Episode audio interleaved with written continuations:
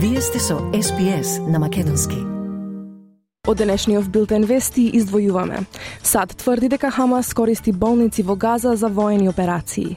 Лидерот на опозицијата Питер Датен бара состанок на националниот кабинет поради порастот на антисемитизмот во земјава. И председателот на бугарскиот парламент од Скопје порача дека за Македонија нема друга алтернатива освен европската. На СПС на Македонски следуваат вестите за 15 ноември. Јас сум Ана Коталеска.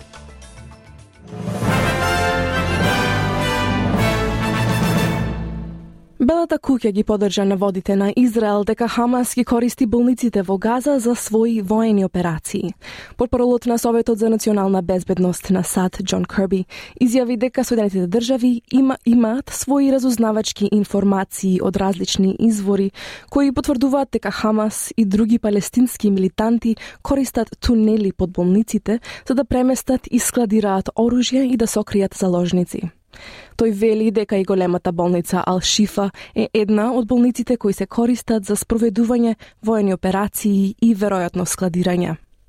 I can confirm for you that we have information that Hamas and the Palestinian Islamic Jihad use some hospitals in the Gaza Strip, including Al Shifa, and tunnels underneath them to conceal and to support their military operations and to hold hostages. Hamas and the Palestinian, Palestinian Islamic Jihad, PIJ, members operate a command and control node from Al Shifa in Gaza City. На пресконференција господин Керби додаде дека Соединетите Американски држави не подржуваат воздушни напади врз болници и не сакаат да видат, цитат, престрелки во болница каде што невини луѓе, безпомошни, болни луѓе, едноставно се обидуваат да ја примат медицинската нега што ја заслужуваат. Негирајќи ги тврдењата Министерството за здравство на Газа, вели дека ги поканило меѓународните организации да го истражат објектот. Лидерот на опозицијата Питер Датен вели дека испратил писмо до премиерот во кое бара од него да свика национален кабинет со цел да се справи со порастот на антисемитизмот во австралиската заедница. На својата прва пресконференција од јули минатата година, господин Датен го обвини Антони Албанезе дека не може да се справи со важни прашања и да ја обезбеди безбедноста на сите австралици. Лидерот на либералите исто така изрази длабока загриженост за порастот на антисемитизмот во земјава поради тековната војна во Газа. I've written to the Prime Minister and will release that letter shortly, which calls on the Prime Minister to convene a national cabinet to speak to the Premiers and to the Chief Ministers about what the joined up response should be.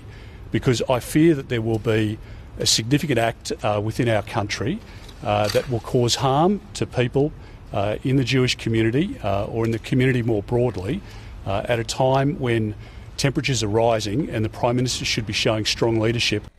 Одржувањето на социјалната кохезија на Австралија можно е да претрпува промени поради пријавени фактори на неколку фронтови. Проценката на социјалната кохезија на фондацијата Scanlon за 2023 година анкетираше речиси 6000 граѓани, на кои им беа поставени над 90 прашања кои покриваат теми како што се имиграцијата, мултикултурализмот, владата и животот во заедницата. Според извештајот, економските притисоци и нееднаквоста влијаат на чувството на припадност кај австралиците. Карло Карли, председател на Советите на Федерацијата на етнички заедници на Австралија, смета дека жестоките и политички дебати за локални и меѓународни прашања, како и неодамнешните финансиски притисоци, може би се виновни за намалување на социјалната кохезија во земјава. Тој вели дека меѓу другото, неодамнешниот референдум и конфликтот во Блискиот Исток особено влијаат врз ова прашање. Social cohesion is an area which Australia has invested a lot of effort and the whole multicultural project is about improving social cohesion. It does fluctuate at times, and I think at the moment we've got a number of stresses on our social cohesion. We've had a very difficult debate around the referendum on the voice to parliament. We have had a drop in the finances of Australian households. And finally, we have the conflict in the Middle East, which is also creating difficulties. Властите ги следат активностите на криминалци, вклучително и тројца убици и голем број сексуални престапници кои беа ослободени по, по одлуката на Врховниот суд. Министерката за внатрешни работи Клер О'Нил изјави за Канал 7 дека главниот фокус на сојузната влада е да се погрижи за безбедноста на заедницата. Таа рече дека владата ги ослободува луѓето под најстроги можни услови, кои вклучуваат и следење на профили на профили на социјалните мрежи.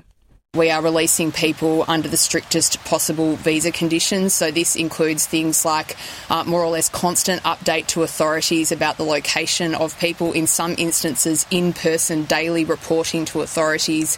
Uh, it includes um, being able to um, get permission to work in certain types of industries. It includes us um, continuously monitoring things like social media and email addresses and phone okay, numbers and the like. Сенаторката од редовите на либералите Джейн Хјум ја критикуваше реакцијата на, на Министерката за внатрешни работи. Таа за Канал 7 изјави дека и покрај тоа што владата знаела дека оваа одлука доаѓа, таа не успеала да се подготви.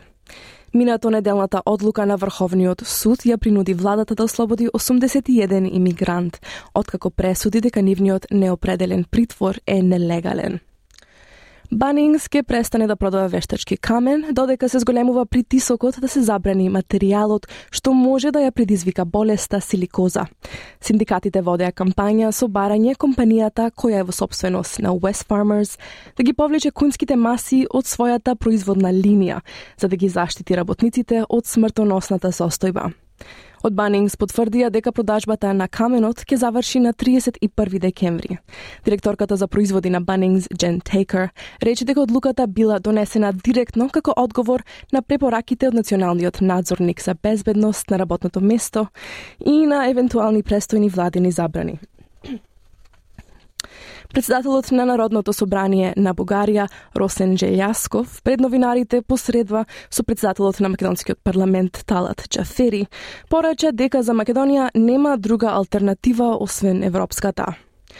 Тој рече дека верува дека разумот и политичката волја ќе надвладеат и уште оваа година ќе започнат преговорите со Европската Унија.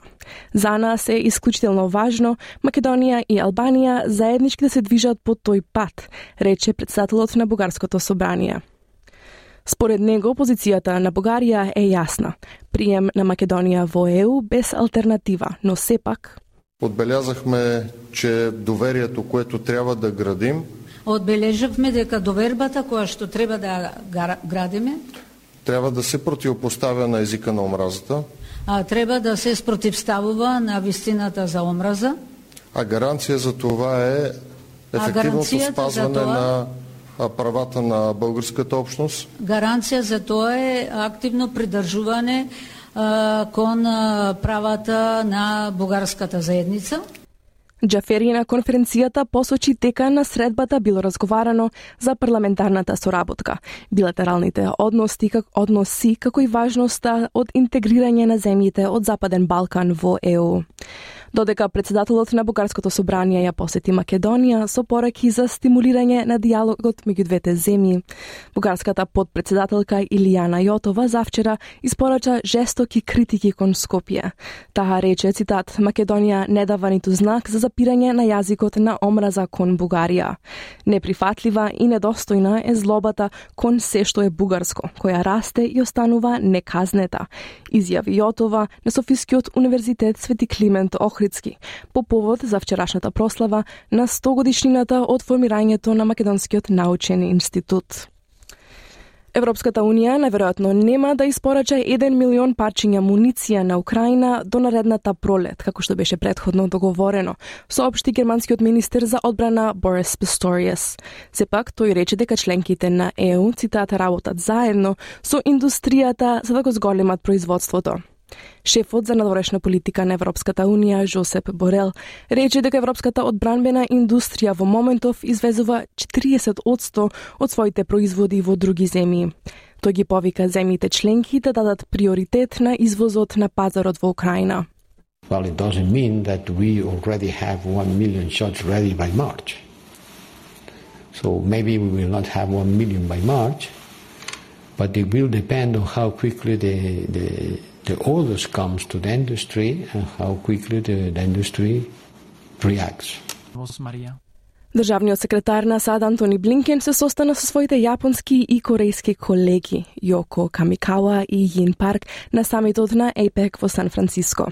Господин Блинкен рече дека регионалните и глобалните прашања, како што се руската инвазија на Украина, конфликтот во Блискиот Исток и безбедностите импликации на Северна Кореја се на агендата на самитот.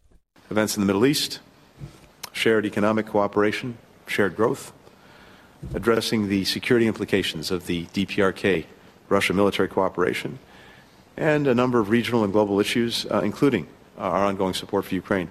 These and more are on our agenda together. Во Сан Франциско пристигна и председателот на САД, Џо Бајден, и кинескиот председател Си Джинпинг, каде се очекува да разговараат за односите меѓу двете земји. И австралискиот премиер денеска ќе се упати на состанокот на лидерите на Азиско-Пасифичката економска соработка. Трговијата, климата и дигиталната економија се очекува да бидат на врвот на агендата на Антони Албанезе.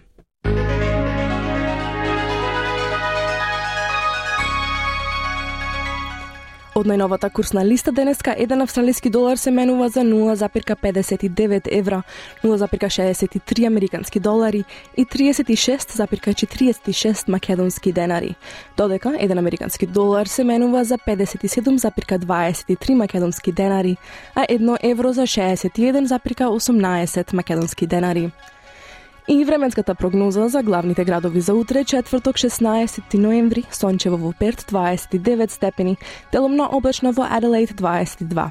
18 се очекуваат во Мелбурн со слаби повремени врнежи, слаби повремени врнежи и за Хобарт 15.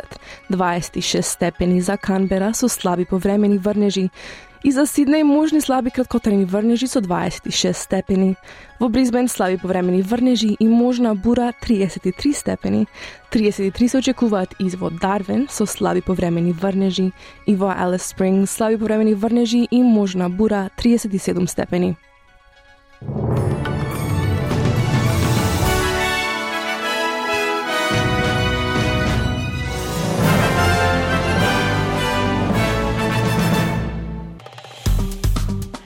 Стиснете, ми се допаѓа, споделете, коментирајте. Следете ја SPS на Македонски на Facebook.